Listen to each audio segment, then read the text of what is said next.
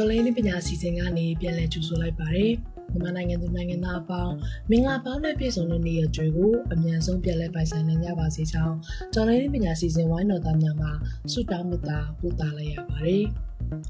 တော်လိုင်းစတင်ကလေးကဆက်သွယ်ရေးလမ်းကြောင်းတွေကိုရက်တွေကိုအဖက်ဖက်ကစောင့်ကြည့်ခြင်းခံရပြီးဒီလိုစောင့်ကြည့်မှုတွေကတရက်ထက်တရက်ပိုပြီးပြင်းထန်လာခဲ့ပါတယ်။ ဒီလိုစောင့်ကြည့်ချေရခဲ့မှုတွေကိုတက်နိုင်သမျှရှောင်ရှားကြောဖြစ်ဖို့အတွက်လုံခြုံစိတ်ချရတဲ့ဆက်သွယ်ရေး platform တွေကိုအသုံးပြုလာကြရပါတယ်။ internet သုံးစွဲနေတဲ့၍နိုင်ငံတကာနိုင်ငံရဲ့ဆက်သွယ်ရေး operator တွေ gateway တွေကိုကြောဖြတ်သွားလာသုံးစွဲတဲ့အခါဒီလိုနေရာတွေကနေသုံးစွဲသူတွေနဲ့ပြောဆိုဆက်သွယ်ထားတာတွေကိုကြားရိုက်ဖတ်ရှုနိုင်ခြင်းမရှိနိုင်အောင် encryption ပါဝင်တဲ့လုံခြုံစိတ်ချရတဲ့ platform တွေကိုအသုံးပြုဖို့လိုဖို့လိုအပ်ပါတယ်။ပို့ရသူနဲ့လက်ခံတဲ့သူကြား server တည်တံ့ကသာမြင်တွေ့နိုင်တဲ့ client to server encryption နဲ့ပို့ရသူစီကနေလက်ခံတဲ့သူစီကိုရောက်တဲ့အထိဘယ်သူကမှကြားဖြတ်ဖက်ရှုလို့မရနိုင်တဲ့ end-to-end encryption စတဲ့ encryption စနစ်တွေပါဝင်တဲ့ platform တွေကိုသာသုံးစွဲဖို့မဖြစ်မနေလိုအပ်ပါတယ်။ဒီလိုကြောင်းနေကြောင်းမဲ့ Signal Private Messenger လို end-to-end encryption ပါဝင်တဲ့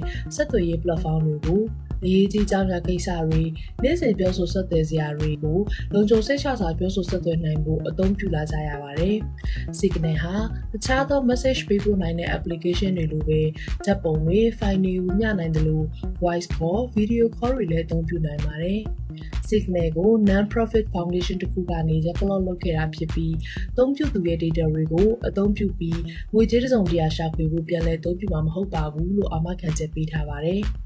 Signal နဲ့တခြားသော app တွေရဲ့အဓိကကွာခြားချက်ကတော့အသုံးပြုသူတွေပြောဆိုဆက်သွယ်ထားတဲ့အချက်လက်တွေကို server မှာလုံးဝသိမ်းမထားခြင်းပဲဖြစ်ပါတယ်။ဒီလိုအချက်လက်တွေကိုသိမ်းမထားတဲ့အတွက်ကြောင့်လေရေးပေါ်အခြေအနေတစ်ခုခုကြုံလာခဲ့တယ်ဆိုရင် application ကိုဖျက်လိုက်ရုံနဲ့ပြောဆိုထားသမျှ chat message တွေ history တွေဘာမှမကျန်တော့ဘဲအကုန်ပြတ်သွားမှာဖြစ်ပါတယ်။ဒါဟာလုံခြုံရေးအတွက်တော့တကယ်ကောင်းမွန်တဲ့အချက်လို့ပဲပြောရမှာပါပဲ။ Signal ကိုအသုံးပြုမယ်ဆိုရင်တော့ Google Play Store, App Store အစရှိတဲ့ application store တစ်ခုခုမှာ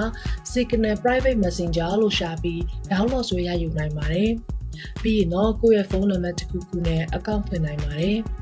ဖုန်းနံပါတ်နဲ့ဖွင့်ရတာဖြစ်တဲ့အတွက်ကိုအသုံးပြုဆက်သွယ်မဲ့အကြောင်းအရာတွေပေါ်မူတည်ပြီးမှတ်ပုံတင်ထားတဲ့ဖုန်းနံပါတ်နဲ့အကောင့်ဖွင့်ခြင်းကိုတော့သတိထားဖို့လိုအပ်ပါတယ်။ Signal ကိုအသုံးပြုပြီးပြောဆိုဆက်သွယ်တဲ့နေရာမှာခြေရာမကြံခဲ့စေရန်ပြောပြီးဘလောက်အကြာမှပြတ်သွားမယ်ဆိုပြီးအချိန်ချိန်ညှိနိုင်တဲ့ disappearing message ကိုအသုံးပြုလို့ရနိုင်ပါသေးတယ်။ disappearing message ကိုအသုံးပြုဖို့အတွက်ကိုပြောဆိုဆက်သွယ်နေတဲ့သူနဲ့ chat ကိုဝင်ရောက်ပြီး ညာဘက်တောင်းကအဆက်ကလေး30ကိုနှိပ်ပြီး disappearing message မှာကိုထားခြင်းတဲ့အချိန်ကိုရွေးပြီးသတ်မှတ်နိုင်ပါတယ်။ဘလောက်ပဲလုံခြုံတဲ့ application ပဲဖြစ်ဖြစ်လိုအပ်တဲ့ setting တွေချိန်ကြည့်ထားဖို့လည်းလိုအပ်ပါတယ်။ Signal ရဲ့ setting တွေကိုဝင်ရောက်ရန်ညာဘက်တောင်းကအဆက်ကလေး30ကိုနှိပ်ပြီး setting ကိုဝင်ပါ။ signal ကိုတခြားသူတွေကကိုယ့်ရဲ့ sim ကတ်ကိုအတုလုပ်ပြီးဝင်ရောက်အသုံးမပြုနိုင်အောင် ping နံပါတ်ထားလို့ရပါတယ်။ GP နံပါတ်ဟာ Signal အကောင့်ဖွင့်စဉ်ကတည်းကလည်း create pin ဆိုပြီးသတ်မှတ်လို့ရခဲ့တယ်လို့ skip လုပ်လို့လည်းရခဲ့ပါတယ်။ skip လုပ်ခဲ့ပါက pin နံပါတ်ထားရန်အကောင့်လေးကိုဝင်မှာ create pin နဲ့ pin နံပါတ်ပြန်ထားနိုင်ပါတယ်။ GP နံပါတ်ကိုကို signal သုံးနေစဉ်အချိန်မှာလဲတပတ်တစ်ခါလောက် pin နံပါတ်ရိုက်ဖို့ပေါ်လာပြီးအကောင့်ပါရှင်သုံးနေခြင်းဟုတ်မဟုတ် verify လာလုပ်ခိုင်းတတ်ပါသေးတယ်။ delivery file လုပ်နိုင်ရန်အတွက် pin reminder ကိုဖွင့်ထားပေးပါ registration log ကိုဖွင့်ထားပါကလည်းတခြားသူ sim ကတ်ကိုအပြုလုပ်ပြီးဝေရောက်အသုံးပြုပါကဒီ pin နံပါတ်ကိုရိုက်ပြီးမှသာအကောင့်ဝင်နိုင်မှာဖြစ်လို့တစ်စိတ်ခံလုံးချုံရေးသဘောလိုမျိုးအသုံးပြုနိုင်ပါတယ် signal ဖွင့်ထားတဲ့ဖုန်းနံပါတ်ကိုအကြောင်းမျိုးမျိုးကြောင့်ပြောင်းလို့ပါက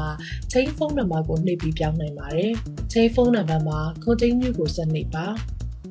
old ဖုန်းနံပါတ်မှာ signal ဖွင့်ထားခဲ့တဲ့ဖုန်းနံပါတ်အဟောင်းကိုရိုက်ပါ။ new ဖုန်းနံပါတ်မှာအခုကိုစတဲ့အသုံးပြုမဲ့ဖုန်းနံပါတ်ကိုရိုက်လိုက်ပါ။ continue ကိုဆက်နေပါကအသစ်ပြောင်းသောနံပါတ်ထဲသို့ text message ကုတ်6လုံးရောက်လာပါလိမ့်မယ်။အဲ့ဒီဟာလေးကိုဖြည့်လိုက်တာနဲ့ဖုန်းနံပါတ်ပြောင်းလဲပြီးသားဖြစ်သွားပါလိမ့်မယ်။ device တစ်ခုကနေတစ်ခုကို signal account တစ်ခုလုံးကအချက်လက်တွေကိုရွှေ့ပြောင်းခြင်းနဲ့ဆိုရင်တော့ transfer account နဲ့လွှဲပြောင်းနိုင်ပါတယ်။ ဒီ function ကတော့ iOS တွေမှာလုပ်လို့မရနိုင်ဘဲ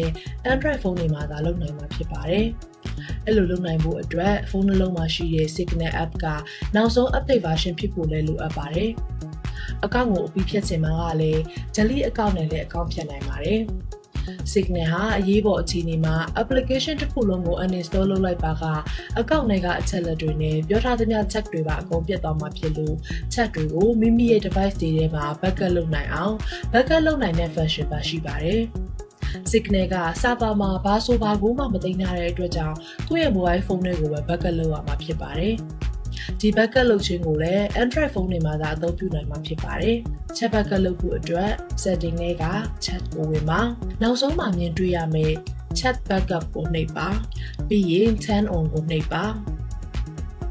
ဒါဆိုရင်ကိုယ့်ရဲ့ phone storage တွေကိုဝင်ရောက်သွားမှာဖြစ်ပြီးမိမိကြိုက်နေတဲ့နေရာမှာသိသိနိုင်ပါတယ် folder အသစ်ဖွင့်ပြီးသိသိချင်မှာက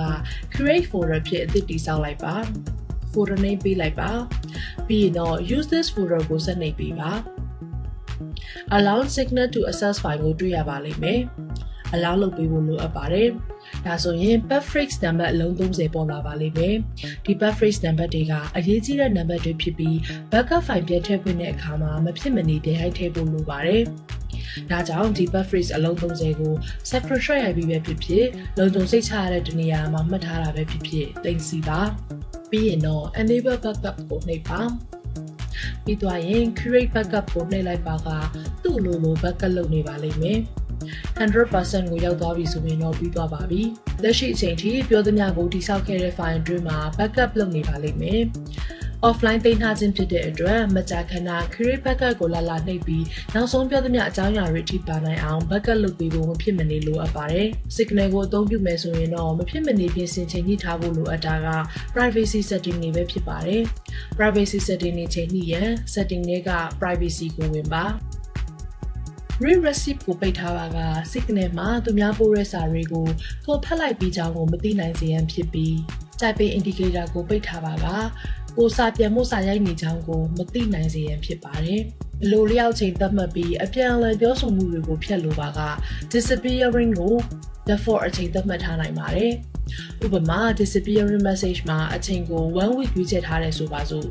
အဲ့လိုရွေးလိုက်ပြီးနောက်ပိုင်းစကားပြောသမျှ check တွေတဲကအကြောင်းအရာမှန်သမျှဟာတစ်ပတ်နေရင် message တွေကသူ့အလိုလိုပြတ်နေမှာဖြစ်ပါတယ်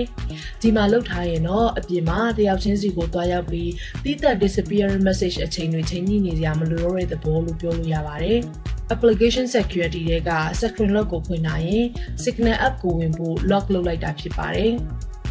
ဒီ screen lock ကိုကိုကတည်တံ့ပြုလုပ်နေစရာမလိုပါဘူးဖုန်းရဲ့ screen lock အတိုင်းသတ်မှတ်မှာဖြစ်လို့ကိုကဖုန်းကိုတော့မှ lock လေးမချထားရင်တော့ဒီ function ကိုအသုံးပြုလို့ရနိုင်မှာမဟုတ်ပါဘူး screen security ကိုဖွင့်ထားရင်တော့ signal တွေကပြောထားဆိုထားတာတွေကို screenshot ရိုက်လို့မရနိုင်အောင်မတော်မဆ screen share မိရင်မပေါ်နိုင်အောင်ကာကွယ်ထားခြင်းဖြစ်ပါတယ်။ incognito keyboard ကိုဖွင့်ထားရင်တော့ signal မှာပြောဆိုဆက်သွယ်ဖို့စာရိုက်တဲ့အခါ keyboard မှာဘာတွေအများဆုံးစာရိုက်လဲဆိုတာကိုမမှတ်ထားနိုင်အောင်ပြုလုပ်ခြင်းဖြစ်တာမို့လုံခြုံရေးအတွက်ဖွင့်ထားဖို့လိုအပ်ပါတယ်။ advanced setting ထဲမှာတော့ signal ကနေဖုန်းပြောရင်နိုင်ငံတွင်း mobile operator တွေကိုဖြတ်တန်းသွားလာခြင်းမရှိဘဲ signal ရဲ့ server နဲ့တိုက်ရိုက်ချိတ်ဆက်ပြောဆိုနိုင်အောင် always relay call ကိုအသုံးပြုနိုင်ပါတယ်။ signal server ကိုတွားရောက်ချိတ်ဆက်တာဖြစ်တဲ့အတွက် line နေတာကြာတာတွေတော့ရှိနိုင်ပါတယ်။အခုလိုချိန်ကာလမှာ end-to-end encryption ဖြစ်တဲ့ signal ကိုအရေးကြီးပြောဆိုဆက်သွယ်မှုတွေ group တွေပြုလုပ်တဲ့အခါမှာအသုံးများတာကိုတွေ့ရပါတယ်။အထူးသဖြင့် group တွေပြုလုပ်အသုံးပြုကြတာကိုတွေ့ရပါတယ်။ ဒီမှာတတိပြုတင်တာတော့ signal မှာဖုန်းနံပါတ်ဖြောက်လို့မရတဲ့အတွက်မသိတဲ့လူတွေနဲ့အတူတူ group တစ်ခုထဲမှာရှိနေရမျိုးတွေအထူးသတိထားသင့်ပါတယ်။ကိုယ့်ရဲ့ signal နံပါတ်ကမှတ်ပုံတင်ထားတဲ့ဖုန်းနံပါတ်နဲ့ဖွင့်ထားတယ်ဆိုရင်တော့ပို့ပြီးသတိထားဖို့လိုအပ်ပါတယ်။ group တွေကတစုံတစ်ယောက်ကလုံခြုံရေးကျုပ်ပေါက်သွားပါကလည်းသူ့ကို group ထဲကထုတ်လိုက်ရင်တော့မှ group history ကကျန်ခဲ့ပြီး group ထဲမှာဘယ်သူတွေရှိခဲ့တာလဲဆိုတာကိုဖုန်းနံပါတ်နဲ့တကွမြင်တွေ့နေရနိုင်သေးတာမို့ဒီလိုတယောက်ကလုံခြုံရေးကျုပ်ပေါက်ပြီဆိုပါကကျုပ်ပေါက်တဲ့သူကို group ထဲမှာချခဲ့ပြီးကျန်တဲ့သူတွေအကုန်လုံး group ထဲကထွက်မှသာစိတ်ချရတဲ့လှုပ်ဆောင်မှုဖြစ်ပါတယ်။ကိုသုံးတဲ့ application တွေ platform တွေဘလောက်ပဲလုံခြုံစိတ်ချရတဲ့ဆိုစေကမူကိုယ့်ရဲ့ digital လုံခြုံရေးကိုကိုဘလောက် use လှုပ်ဆောင်နိုင်လဲဘလောက်ချစ်သတိထားဆောင်ရွက်နိုင်လဲစတာတွေပေါ်မူတည်ပြီးဟာခွက်တွေဖြစ်ပေါ်နိုင်တာမို့လို့အလိုလိုအလိုက်သတိသွေးနိုင်လုံနိုင်စွမ်းဖြစ်တဲ့ common sense ကိုအသုံးပြုခြင်းဖြင့် digital လုံခြုံရေးနဲ့ပတ်သက်ပြီးအစအစရရဂရုစိုက်ကြပါလို့မှာကြရင်နောက်ပတ်များမှာလည်းတော်လဲဒီပညာစီစဉ်ကနေဘလို့အကြောင်းအရာကောင်းတွေကိုဆက်လက်တင်ဆက်ပေးသွားအောင်မလဲဆိုတာကိုစောင့်မျှော်ကြည့်ရှုပေးကြပါအောင်ရှင်။